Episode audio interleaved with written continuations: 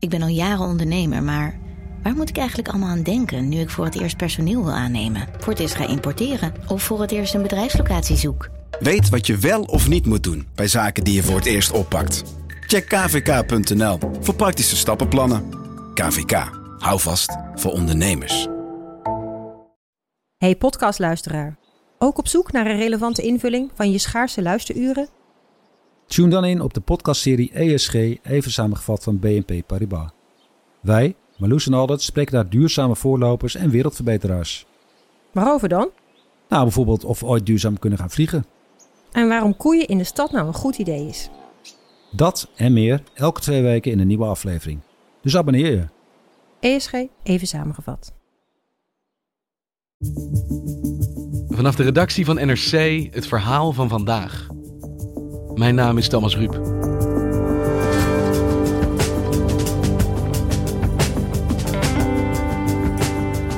Ze stapte in een rode Fiat Coupé en keerde nooit meer terug.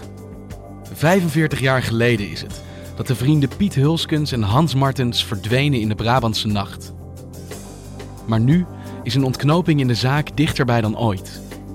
Duikers van de politie zakten af naar de bodem van een meer, waar een object in het zand zit dat lijkt op een auto. Zijn de twee stratenmakers vermoord?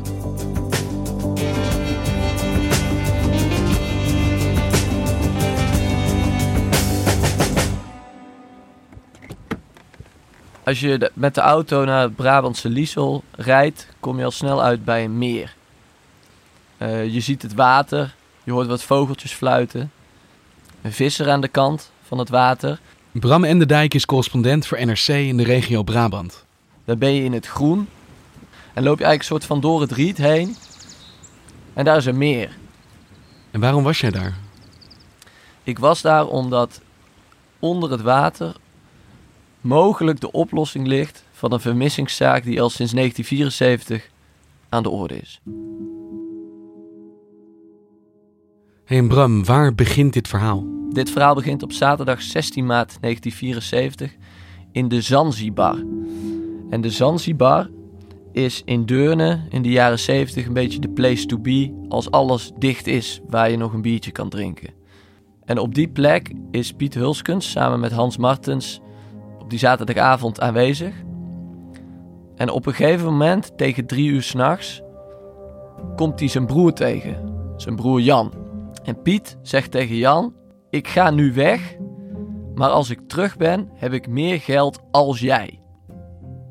En dat is het allerlaatste wat Piet ooit tegen zijn broer gezegd heeft. Piet die gaat naar de parkeerplaats, daar staat een eh, rode Fiat. En daar stapt hij in samen met Hans. En dan rijden ze weg, de Brabantse nacht in. En dat is eigenlijk ja, een open einde van een verhaal dat nu in 2019 nog steeds speelt. Ja, dat is zo lang geleden. Er, er is zoveel in die jaren gebeurd. Dus dat, ja, dat, dat fascineerde me eigenlijk wel. Eh, en toen ben ik in contact gekomen met Jan. Goedendag. Hallo. En ik heb vorig jaar uitgebreid met hem gesproken. En afgelopen week nog een keer. Goedemiddag. Hoe gaat het? Goed. Ja, als jij komt, dan zit er vooruitgang, hè? En wie zijn zij of wie waren zij? Piet en Hans waren twee Brabantse stratenmakers. Die ehm, ja, 21 en 22 jaar oud waren. Op foto's zie je ze met lange haren. typische jaren 70 eh, koep, zeg maar. Piet drumde in een band. Ja, jonge Brabantse gasten die waarmee het wel gewoon goed leek te gaan eigenlijk.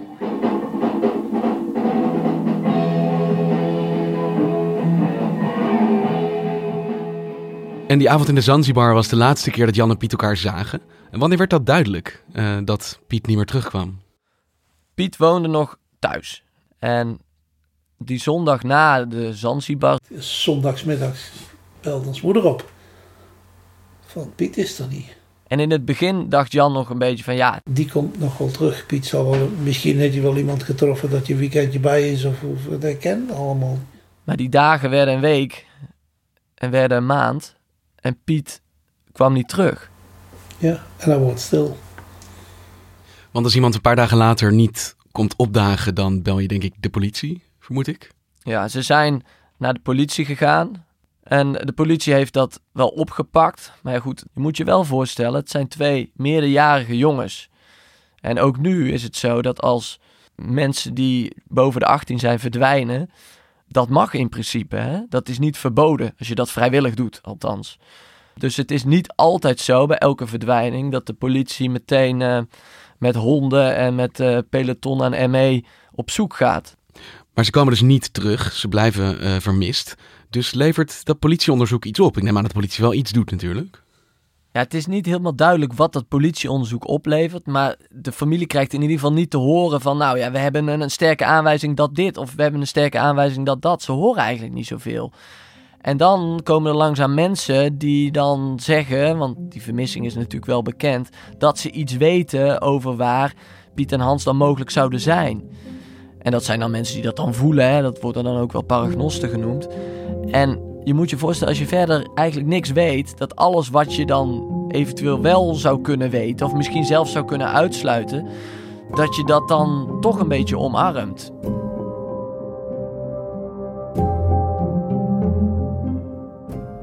Op een gegeven moment zei iemand van, nou, uh, Piet die zit ergens in Frankrijk bij het Vreemdelingenlegioen. En ja, toen was, wat, wat gaan we doen? Nou, wat zijn ze gaan doen? Jan, onder meer, is in een auto gestapt met nog twee anderen. Mijn moeder die was toen hodel de botel. Die gooide nog een blikje augurk achter in de auto. Zegt ze, als je onderweg honger krijgt. En we mochten niet met z'n vieren gaan. Want Piet moest ook, als hij uh, gevonden werd, in een goede plek hebben in de auto. Mee terug te rijden. Zo waren die daarmee bezig. Dus ze zijn met z'n drieën de hele nacht naar Frankrijk gereden. Ze kwamen daar om vijf uur s ochtends aan. Daar zijn ze gaan rondvragen en ja, daar kent niemand Piet. En dan gaan ze weer terug naar Brabant. Iets later zegt iemand van, nou, ik heb Piet in een casino gezien. En vertelde dat hij Piet had gezien in het casino, een week daarvoor. En toen uh, zei hij, ik, uh, ik wil vanavond daar weer naartoe gaan. Maar uh, mijn budget is niet toereikend om met het casino binnen te gaan. Nou, dat blijkt een oplichter te zijn. Dus er zijn wel dingen, mensen die zeggen van ik weet wat, maar uiteindelijk komt daar niks uit.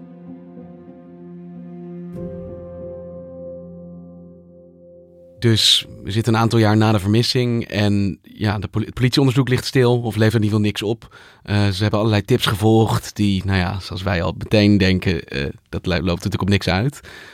Dus wat gebeurt er dan vervolgens als het zo stil blijft? Op een gegeven moment is het 2014 en is Jan samen met zijn vrouw op weg naar iemand in Breda om daar een instrument op te halen. Uh, en hij komt binnen bij die man en die man die zegt... Maar je hebt toch een broer die vermist is? Ik denk, ja, wat is dat nou toch? En die man zegt, als jij mij wat foto's brengt van die mannen, dan kan ik misschien wel wat meer te weten komen over wat er dan is gebeurd met hem. Dit zegt een vreemde tegen hem 40 jaar na dato. Ja. Dus Jan is, duikt weer in die oude zaak eigenlijk en gaat op zoek naar foto's. Nou, foto's van Piet heeft hij natuurlijk, uh, maar foto's van Hans heeft hij niet. Dus om foto's van Hans te bemachtigen gaat hij naar de zus van Hans. En die zus van Hans, die kijkt hem al een beetje raar aan. Die gaf mij die foto's en die keek mij niet in mijn ogen, die keek erachter. Waarop ik zei van, is er iets? Nou, die gaat terug naar die man in Breda. En uh, die geeft hem die foto's. En dan blijkt. En toen kwam ik tot ontdekking dat hij vooral verzonnen had uit krantenknipsels, uit panorama en van internet en, en zo. En hij heeft een verhaal geschreven op basis van informatie die dan al bekend is. Het is pure bluff. Ja, het is weer iemand die denkt meer te weten, maar die eigenlijk niks weet. Maar toen ging ze extra op die foto's terugbrengen. En toen keek ze weer zo. Ik zei, nou moet je me toch eens vertellen wat er aan de hand is. Dan zegt de zus, Jan, we willen je toch wat vertellen. We hebben bezoek gehad van de politie uit Asten. En die zeiden, we hebben informatie waaruit blijkt dat ze vermoord zijn. Dan word je door de betonnen vloer gedrukt. De politie heeft ook erkend van ja, dit had nooit mogen gebeuren. We kunnen het niet maken om één familie wel op de hoogte te stellen en, en de andere familie helemaal te negeren. Net alsof, en zo heeft Jan het ook gevoeld, alsof de ene familie belangrijker is dan de andere. Maar toen wilde Jan natuurlijk wel weten van ja, Wat is die informatie dan? En is dit dan de eerste stap naar, na zoveel jaren toch een oplossing in de zaak? Dat we eindelijk weten wat er dan gebeurd is. En wat hield die nieuwe informatie in? Je hebt binnen de politie uh, het team criminele inlichtingen eenheid. Dat zijn regisseurs die praten met mensen semi of helemaal in de onderwereld zitten. En dat is informatie die een soort start kan zijn voor een onderzoek. Kan niet als bewijs dienen. En heel veel zaken beginnen zo. Of heel veel zaken krijgen zo een andere richting. Nou, dit is het type informatie dat bij de politie is binnengekomen in 2012. Um, en daaruit bleek dat Hans en Piet vermoord zouden zijn, omdat Hans een relatie zou hebben, een affaire, met een getrouwde vrouw. De man van die vrouw zou Hans naar een afgelegen plek hebben gelokt. Piet was erbij omdat hij een auto had en was dus getuige. Daar zouden ze zijn vermoord en vervolgens zouden de lichamen zijn weggemaakt. Dat was de informatie. Dus bijna 40 jaar later komt er eindelijk een scenario. En een verdachte, als ik het zo hoor. Dus de echtgenoot van mogelijk de vrouw met wie Hans een affaire zou hebben gehad. Ja, maar op dat moment komt er ook nog meer nieuws. Namelijk, de zaak van Piet en Hans is verjaard. Dus er kan geen strafrechtelijk onderzoek meer worden gedaan. De zaak kan niet meer voor de rechter komen. Er kan geen dader meer voor worden veroordeeld. Dit zijn twee ontwikkelingen die tegelijk komen. Er is eindelijk na al die jaren een verdachte, maar tegelijkertijd verjaart de zaak, dus kan het onderzoek niet blijven lopen. Exact. Vroeger konden moordzaken verjaren. Dus na een aantal jaren, als er geen verdachte was veroordeeld, dan ging eigenlijk de slot op een dossier. Maar daar wilde de politiek wat aan doen. Want dat, dat het lag natuurlijk best gevoelig. Hè? Want het allerergste wat je iemand, een medemens kan aandoen. Ja, ook al komt daar na 30 jaar of na 40 jaar een, een, iets uit. Waarom zou dat dan ineens minder erg zijn omdat het zo lang geleden is? Hè? Dus daar heeft de politiek eh, een wet voor aangenomen die zei van oké, dat gaan we afschaffen. Moorden kunnen niet meer verjaarden.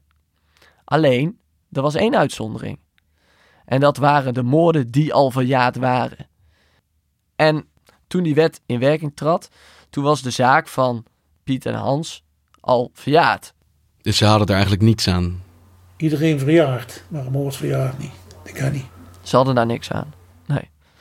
Het gebeurt vaker in Nederland dat er mensen zijn, nabestaanden, die een cold case wordt dat dan genoemd, hè? dus een onopgeloste zaak, moordzaak bijvoorbeeld, die al jaren wachten op een oplossing. En waarbij die zaak als een soort van rugzak met bakstenen om hun schouders hangt. Want weet jij hoeveel cold cases er zijn in Nederland? Hoeveel van die moordzaken die nog steeds onopgelost zijn, open zijn? Zouden ongeveer duizend onopgeloste moordzaken zijn in Nederland. En begin juni is er nog een stille tocht geweest, waarbij nabestaanden aandacht wilden voor die zaken. Ja, dan heb je het over de nabestaanden natuurlijk. Maar dat betekent dus eigenlijk ook dat er, nou ja, mogelijk dus duizenden moordenaars nog vrij rondlopen. Die nooit gepakt zijn of veroordeeld. Ja, of, of, of, of wel al vastzitten voor iets anders. Maar er zijn inderdaad zo'n duizend zaken waar dus de moordenaar niet bekend is. Dat is wat het is, ja. En hier is dus een tip, nieuwe informatie, zelfs een verdachte. Uh, wat gebeurt er mee? Je moet wel zeggen dat er iets mee gebeurt, toch? Of blijft dit gewoon helemaal stil omdat die zaak verjaard is? Ja, de politie is dus vrij gebonden. Dus toen heeft de familie heeft bedacht van nou, we gaan het ook op een andere manier proberen. En die zijn in contact gekomen met Judith Houwen. En zij is een privédetective, heeft een eigen recherchebureau. En zij heeft zich vastgebeten in deze vermissingszaak. En op basis van haar gesprekken die zij heeft gehad, komt zij tot de conclusie dat de auto met daarin mogelijk Piet en Hans ligt in een meertje in Liesel. Onder 7 meter water en 7 meter zand zou er dus een rode Fiat verborgen zitten. Dus daar moeten ze achter komen, denk ik. Na dat rapport gaat de politie het water op en gaan ze met scanapparatuur dat water eh, nou ja, een soort van in kaart brengen. En uiteindelijk ontstaan er dan vijf plekken. En op basis van de scanapparatuur brengen ze dat dan terug tot één mogelijke plek waar er een auto zou kunnen liggen. En? Uh, dus ze hebben een meer. Ze hebben een specifieke plek waar ze iets zien waarvan ze denken dit kan die auto zijn. Dus wat gaan ze dan doen? Tweeënhalve week geleden hebben ze nu niet van boven een scan gemaakt, maar hebben ze duikers het meer in Liesel laten gaan. Die zijn helemaal tot de bodem gegaan. Vanaf waar het dus nog maar 7 meter zou zijn tot waar het object zou, zou, zich zou bevinden. En die duikers hebben daar nog een keer een hele scan gemaakt. En op basis van die scan moet er dan gezegd worden van... Oké, is de kans inderdaad groot dat dit een auto is? Nou, dan moeten we misschien wel gaan graven. Of dan moeten we in ieder geval vervolgstappen bedenken. Of, en dat kan ook, is het niks. Aan de ene kant zeg je de zaak is verjaard, maar toch uh, wordt de politie nu in stelling gebracht. Ze gaan zelfs met duikers kijken naar die plek. Dus is het onderzoek nou wel of niet open naar die verdwijning? Ja, dat is een goede vraag. Kijk, het punt is, de politie doet ook wel eens dingen die niet als doel hebben om iemand veroordeeld te krijgen voor een bepaalde zaak. Dus een soort van hulpverlening, dienstbaar zijn. Hè? En zo moet je dit een beetje zien. Dus het doel daarvan is niet om een dader veroordeeld te krijgen, omdat de zaak verjaard is. Dus dat kan niet. Maar ze kunnen wel gaan zoeken. Maar mocht het zo zijn dat Piet en Hans gevonden worden in die auto onder dat meer, dan houdt het daar ook op. En heb jij iets van een tijdlijn? Heb je enig idee wanneer wij meer informatie hierover gaan krijgen? Of dat wel of niet een auto is die daar onder het zand ligt? Nou ja, ik blijf het natuurlijk volgen. Uh, het punt is dat het is een beetje afhankelijk van, zo hard is het soms ook in deze wereld, van de agenda van dat team. Hoe snel die beelden van het meer in Liesel daadwerkelijk geanalyseerd kunnen worden. En uh, ja, de verwachting is wel dat dat niet meer maanden gaat duren. Maar wanneer dat precies is, ja, zoals alles in deze zaak, dat is eigenlijk niet te zeggen. En Jan, hoe reageert hij op al deze nieuwe ontwikkelingen? Ja, hij wil dat gewoon weten. Jan heeft aan de voet van het graf van zijn ouders meerdere malen gestaan en heeft hij gezegd: Ik breng Piet bij jullie terug. En dat is wat hem nog steeds drijft. En dan ga ik het graf zelf repareren. En dan zet ik daar een grote bos bloemen neer.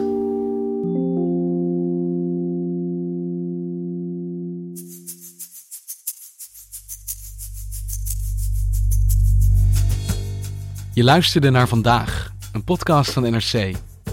Eén verhaal, elke dag. En wil je nou zeker weten dat je geen dag van onze verhalen mist? Abonneer je dan. En dan verschijnen we vanzelf elke ochtend als eerste in je app. Dit was vandaag, morgen weer.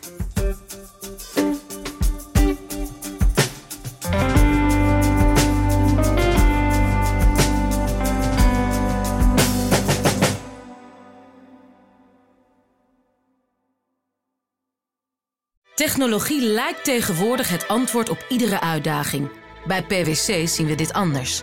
Als we de potentie van technologie willen benutten, kunnen we niet zonder een menselijk perspectief. Human-led, tech-powered noemen we dat. Ga naar pwc.nl.